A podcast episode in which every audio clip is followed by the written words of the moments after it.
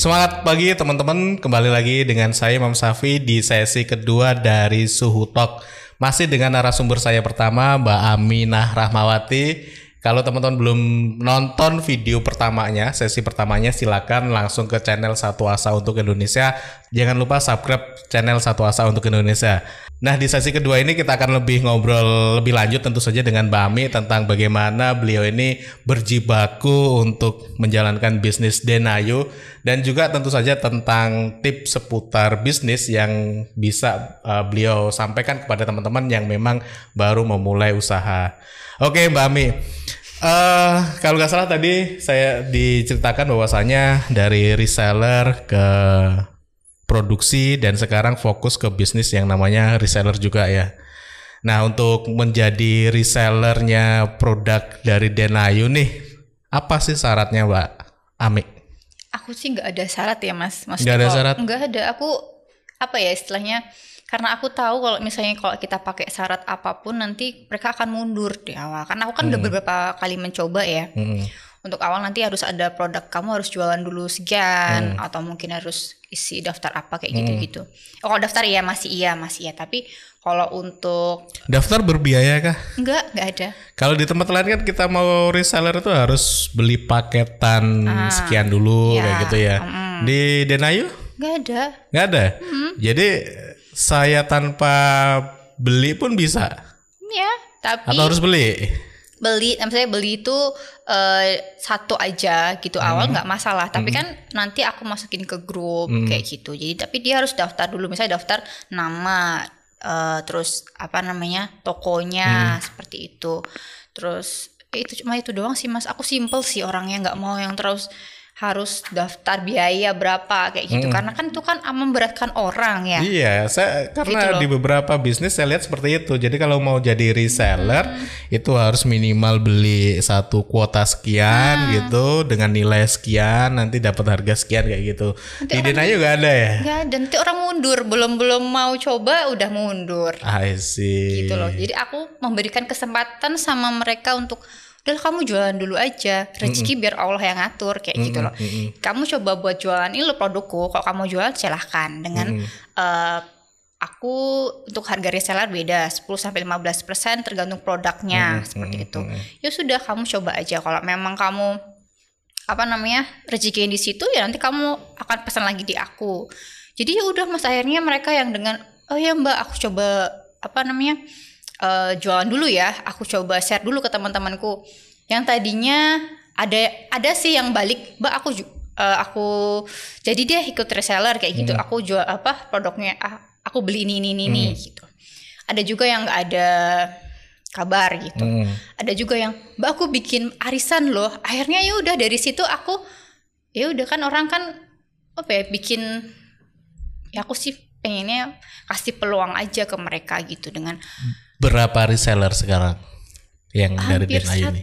mas. Wow, serat, hampir 100. Ya, Alhamdulillah kak. Tapi karena itu sellernya tuh 100 itu nggak terus semuanya setiap hari ya. Hmm, ada yang hmm tapi ya itu sih alhamdulillah satu misalnya dari misalnya 50 dia enggak aktif 50 aktif kayak gitu lah jadi aku senangnya gitu jadi aku udah nggak perlu iklan tuh ya karena aku ya, udah nggak semua aktif tapi ada waktunya dia 50 aktif eh, ada gantian kan, polanya eh, eh, karena kan mungkin dia programnya mungkin arisan. Mm -hmm. Nah, ada yang programnya dia langsung ke customer mm -hmm. atau mungkin dia programnya apa cuman by temen atau dia beli terus ada yang nitip-nitip. Mm -hmm. Nah, kayak gitu. Jadi aku udah kasih peluang aja mereka untuk gimana cara kamu jualan aku sediain produk hmm. oke okay, kita jalan bareng kayak gitu dari 100 reseller itu Mbak Mi kira-kira nih kalau di lihat datanya nih seberapa atau berapa sih yang benar-benar loyal terhadap produk Denayo ini paling cuma setengahnya sih mas karena kan mereka yang 50 mungkin yang setengah atau beberapa itu hmm. dia memang awalnya memang untuk dia pribadi hmm. terus dia jual ke teman-temannya hmm. nah yang itu yang mungkin dia nggak tiap hari beli hmm. atau nggak tiap bulan setiap bulan lah beli hmm.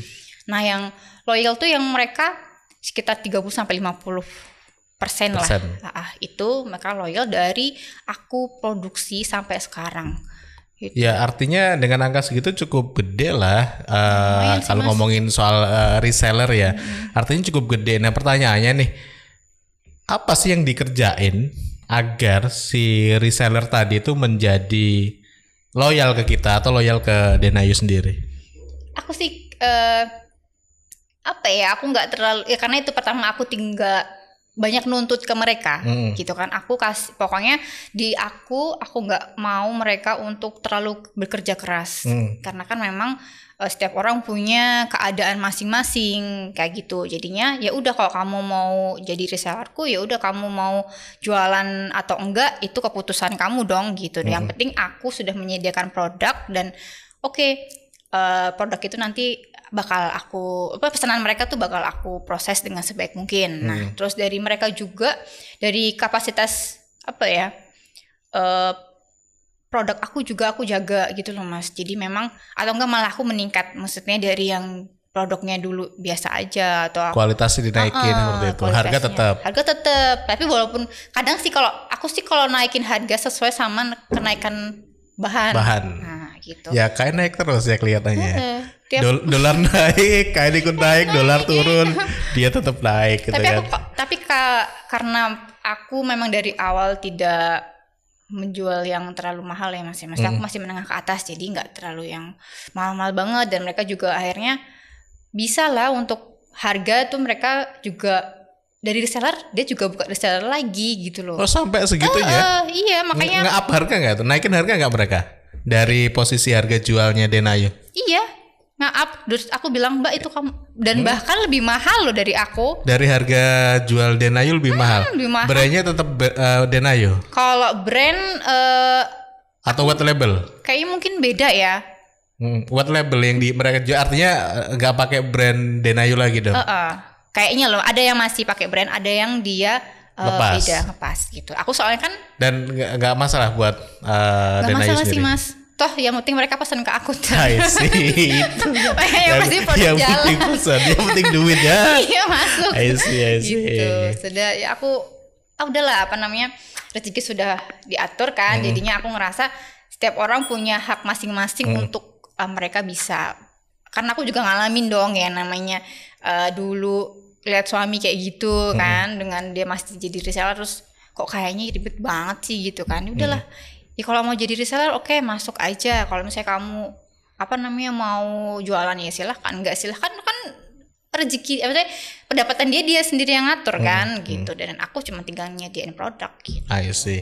Nah di treatment gak sih sebetulnya di masuk ke grup kan mereka? Iya masuk ke grup. Di treatment nggak di grup itu misal uh, ada wejangan bisnis tiap hari apa atau misalnya ada program bonus misalnya kalau mencapai hmm. penjualan sekian dan sebagainya di treatment nggak itu? Iya ada ada ada biasanya aku kasih diskon hmm. jadi hmm. harga resell masih aku kasih lagi harga hmm. diskon gitu kalau dia beli berapa pitch gitu hmm. atau berapa banyak gitu kan hmm. misalnya aku kasih harga lagi diskon kadang aku kasih gratis ongkir juga kalau misalnya apa namanya dia banyak gitu jadi memang untuk reseller sendiri aku kasih apa ya banyak kemudahan lah sekali nggak harus pakai bayar ya untuk hmm. masuk reseller. Hmm. Terus nanti kalau udah jadi reseller dia banyak apa ya pesanan ke hmm. aku bisa 10 set gitu, hmm. set home decor hmm. gitu. Aku cuman apa kasih uh, potongan lagi harga. Hmm. Terus hmm. nanti kalau misalnya ternyata itu kan kalau satu set itu ada satu kilo ada dua kilo. Betul. Nah nanti kalau pakai bisa pakai pos biasa atau JNE JTR itu kan hmm. lebih ongkirnya lebih mudah hmm. apa lebih murah ya hmm. dan itu juga bisa pakai kargo nah hmm. itu aku gratisin ongkir gitu jadi mereka udah jual lagi dengan harga yang lebih murah lagi kan kayak gitu I see berarti begitu mudahnya teman-teman kalau mau jadi resellernya dari Denayu dan ini saya pikir cocok sekali bagi teman-teman yang baru mau mulai usaha dan belum punya produk nah Mbak Ami apa sih sebetulnya kendala ter mungkin terberat ya terbesar atau terberat lah apa pun yang dialami atau dirasakan Denayu ini dari awal sampai uh, saat ini? Produksi ya. Produksi. Iya karena kan aku aku belum berani iklan karena hmm. memang hmm. itu produk karena apa ya yang beli itu gini nggak nggak cuman dia tuh pesannya nggak cuman satu kan kita pesannya banyak dia pengennya kitchen set cover tapi juga pakai korden Hmm. kayak gitu. Aku pengen samaan nih mbak. Terus habis itu cover kursi juga. Itu kan banyak ya satu orang loh. Itu kok coba kalau bayangkan ada 20 satu hari. Ah, wah produksiku keteteran dong. Nah itu yang masih sampai sekarang. Produksi sih memang karena kan yang namanya penjahit itu kadang jahitannya bagus mereka juga punya apa ya kendala di rumah kayak gitu. aku nggak bisa ngepush yang duh aku jahat banget dong kalau harus maki-maki orang. Ada yang bilang udah udah biarin aja kayak gitu. Kamu tuh harus tegas duh aku cewek punya anak kayak gitu. Aku tuh pasti aduh, Nggak tegaan ya? gitu loh. Itu awalnya memang sampai sekarang sih produksi. Cuman eh, apalagi dengan masa kayak gini ya aku kan nggak bisa. Kalau misalnya di pas di rumah kemarin aku bisa up yang di rumah gitu. Jadi yang yang apa untuk beberapa yang belum jadi dibawa pulang tak ambil tak kerjain eh dikerjain sama yang di rumah kayak gitu. Jadi eh, kita usahakan tepat waktu. Nah itu jadinya memang masih dalam produksi. Tapi ya untuk sekarang aku pengen ubah lagi strateginya memang mau aku ready stock. Kalau sebenarnya kan Ah. PO Mm-mm, karena kan jadi eh, mereka karena kan kita kalau aku kan ada kayak cover kayak gitu terus pengennya dia satu set sama ini kan nggak mungkin ready dengan itu toh. Nah akhirnya aku ya sudah lah untuk sesetan yang memang sudah ada aku pengen ready stock. Dan jadi kalau mereka memang nggak mau nunggu nggak mau PO ya udah langsung dari ready stock itu aja gitu. Oke, by the way, corona ngaruh gak sih ke penjualan? ngaruh lah masih Drop juga. Eh, lumayan karena kan resellerku juga akhirnya mereka punya masalah sendiri-sendiri. I see. gitu. Aku kan karena memang dari awal ngandelin reseller ya karena nggak pakai ikan ngandelin reseller jadi ya udah itu. Yang sebelumnya tahun lalu se- tahun-tahun sebelumnya sebelum lebaran sebelum Natal itu wah kita sampai oh nggak tidur kali masal sebelum Ah. sahur kayak gitu seperti kayak gitu terus pas udah corona kemarin lebaran ya ada sih alhamdulillah masih ada. Cuman ya nggak se gaung-gaungnya yang sebelumnya gitu. Apa yang dikerjain selama corona nih agar untuk uh, survive? sama sih masih sama. Cuman memang omsetnya memang nggak seperti biasanya gitu. Terus akhirnya kemarin coba buat masker juga kan. Terus itu juga akhirnya eh, jadi salah satu eh, penolong waktu awal-awal bulan Maret April itu nah itu akhirnya jadi pen- penolong terus April Mei Mei kita udah mulai lancar lagi lebih lancar lagi. Karena memang kalau eh, online sama offline beda ya mas ya. Kita kan kalau online kan nggak harus buka toko. Jadi kita di Facebook juga. Akhirnya aku kemarin nyasar ke targetnya ke customer langsung. Jadinya agak lumayan tuh. Nah, Marginnya juga lebih tinggi ya. Ah, jadi lumayan akhirnya. Jadi untuk nutup yang restoran enggak ini akhirnya ya udah. Tapi walaupun eh ya lumayan lah ya. Tetap jalan lah, tetap jalan, tetap jalan. Tetap jalan. I see. Nah, Mbak Ami, buat teman-teman yang baru mau mulai usaha nih, apa sih tips yang bisa dibagikan ke teman-teman agar yang memang ya I know oh, memulai usaha itu nggak gampang ya. Saya dulu mulai dari kerja terus eh, bisnis itu juga perjuangannya lumayan gitu. Apa yang bisa dibagikan Mbak Ami ke teman-teman? ya? Karena memang apa ya kalau untuk mulai usaha tuh yakin aja sih. Maksudnya kamu pengen eh dari usaha itu kamu pengen di mana sih passion kamu? Kalau aku kan memang memang itu karena udah awalnya usaha suami dan ternyata juga itu berhubungan sama cewek kan, spray dan lain-lain. Jadi aku nggak masalah karena itu sesuatu yang memang eh, sudah jadi kalau wanita mengerjakan itu nggak masalah gitu. Akhirnya aku terjun untuk di untuk beberapa hal yang harus diperhatikan tuh kita target pasar dulu sih mas ya. Kita I mau ke arah mana kayak gitu. Ke arah mana targetnya terus habis itu untuk eh, barang-barang produk-produk yang startup ini ya apa pesaingnya mana kayak gitu I see. seperti itu Ketahui siapa calon pasarnya. Ya, target pesaingnya kita, seperti pesaingnya, apa, lihat gitu. kelemahan dan kelebihannya, terus kita desain produk kita ya. Mm-mm. Eksekusi yang pasti. yes Yes, eh, punya rencana, punya angan-angan untuk jadi pengusaha gede, Tapi kalau nggak pernah ngelakuin action pertama kali, langsung ya lakuin percuma. aja maksudnya kan kita nggak akan tahu itu akan jadi atau enggak kalau kita nggak coba Betul. ya awalnya juga aku ragu sih cuman aku ngelihat untuk produk dan apa ya target pasarku udah oke lah ini kan yang namanya sandang pangan papan itu kan udah jadi hal yang Ya wajib dipenuhi setiap orang. Iya makanya kan dari situ aja kalau mau itu kalau mau awal loh ya. Mm-mm, Tapi kalau misalnya udah ternyata udah banyak dia udah punya mimpi atau gimana ya udah lepas dari situ nggak apa-apa karena kan orang sudah kebutuhan orang yang spesial spesial gitu kan ada ya. Betul, Nah, betul. Jadi mungkin yang ini dulu lah yang dilihat itu kan sandang pangan papan dari sinilah kamu memulai dulu gitu loh karena itu akan jadi kebutuhan orang sehari-hari. Dan pasti laku yang Ah, pasti, Betul, pasti betul. itu. Jadi ya udah itu dulu lah kalau mau mencoba ya. Kalau biar enggak biar enggak apa ya istilahnya. Nanti takut laku apa enggak gitu. Ya, action dulu sih. Saya dulu waktu memulai usaha kaos juga yang saat ini juga tiarap ya. Jadi tiarap banget Mbak Ami. Mbak Ami masih jalan ya ininya. eh bed covernya. Kalau saya ini kaos bener-bener tiarap kayak gitu. Ya, walaupun aku mau berbagi pengalaman aja ke teman-teman bahwasanya kalau memulai usaha itu yang bisa dikerjain pertama kali menurut saya ya ya action aja dulu. Kalau soal masalah saya pikir setiap orang tuh punya Punya masalah masalah. kita hidup aja udah masalah ya. Ya jadi jadi jangan pernah takut dengan dengan masalahnya gitu. Pasti setiap orang punya masalah, nggak usaha ataupun bekerja bahkan bekerja pun pasti ketemu masalah. Yes, nah kalau kita sadar dengan kita itu adalah masalah ya kita ya masalah. kita itu ketemu dengan masalah setiap hari ya ya udah karena hidup itu masalah ya udah action aja Iya, apa yang mau di eh, kerjain bisnisnya kerjain aja ketemu masalah ya nanti cari solusinya Solusi. di eh, perjalanan usaha itu Iya sih. nah ketika konsisten kayak gitu teman-teman insya Allah nanti teman-teman bisa eh, running sendiri sebetulnya kayak kaos itu Mbak Ami dulu eh, dikerjain sendiri, habis nyablon sendiri, motong sendiri, wah begitu begitu rigidnya. Terus berpikir, wah nggak bisa nih saya eh, terus-terusan seperti itu. Terus pada akhirnya berpikir gimana caranya ini harus pasarnya ada, tapi saya nggak harus ngapa-ngapain. Nah itu beda- bedanya dengan Mbak Ami nih. Kalau Mbak Ami dari eh, jualan produk orang, terus bikin produksi. Eh, kalau saya dari produksi terus jual produk orang kayak gitu sampai sekarang. Jadi sekarang kaosnya eh, bisnisnya ada, tapi kita nggak pernah punya tempat produksi. Ah, gitu. Kita hanya kerjasama kerjasama dengan eh, para perajin-perajin.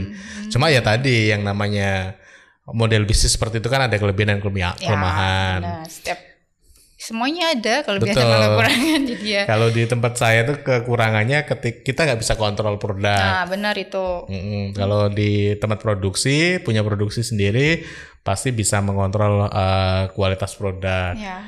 Nah itu sih pilihan, tapi biasanya untuk memulai bisnis ya yang penting jalan dulu aja lah. Nggak punya usaha, nggak punya produk, jangan khawatir.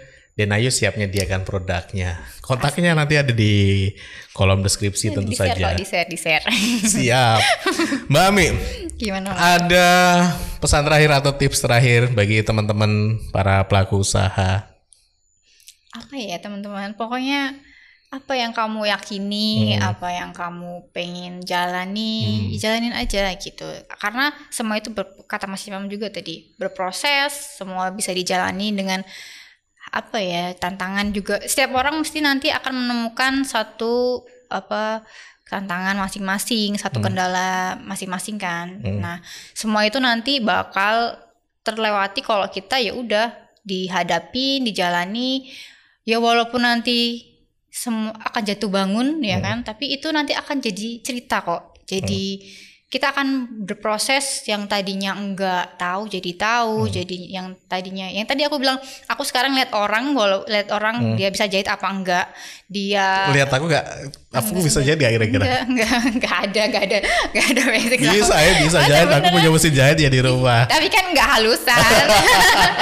Cuman jahit kaos kan jahit gitu kan beda. I see. kayak gitu. Jadi memang eh, udah bisa oh kamu tuh nanti ke sini aja gitu. Walaupun eh, ternyata dia bisa yang lain. Nah, cobalah untuk mencoba aja untuk jadi apa pun itu dicoba dulu. Kalau memang kamu nggak punya produk ya coba yang cari yang ada dulu. Hmm. Nanti kalau udah mulai dan udah temu pasarnya, itu nanti akan jalan sendiri kok mas gitu dan mm -hmm. itu nanti akan dia berproses oh ternyata aku nggak cocok di sini mm -hmm. dan aku lebih cocok di sini mm -hmm. oh ternyata nggak semua hal itu bisa uh, aku jalani mm -hmm. kayak gitu nanti akan terpilah-pilah sendiri akan jadi dia tahu passionnya di mana tahu apa keinginannya dia tahu untuk harus bagaimana sih kita mulai usaha atau mungkin dia mau jadi reseller atau hmm. mungkin jadi produsen kan hmm. beda-beda ya hmm. karena tergantung orangnya sendiri hmm. tergantung dia mau menjalani itulah kayak gitu. Oke Mbak Ami.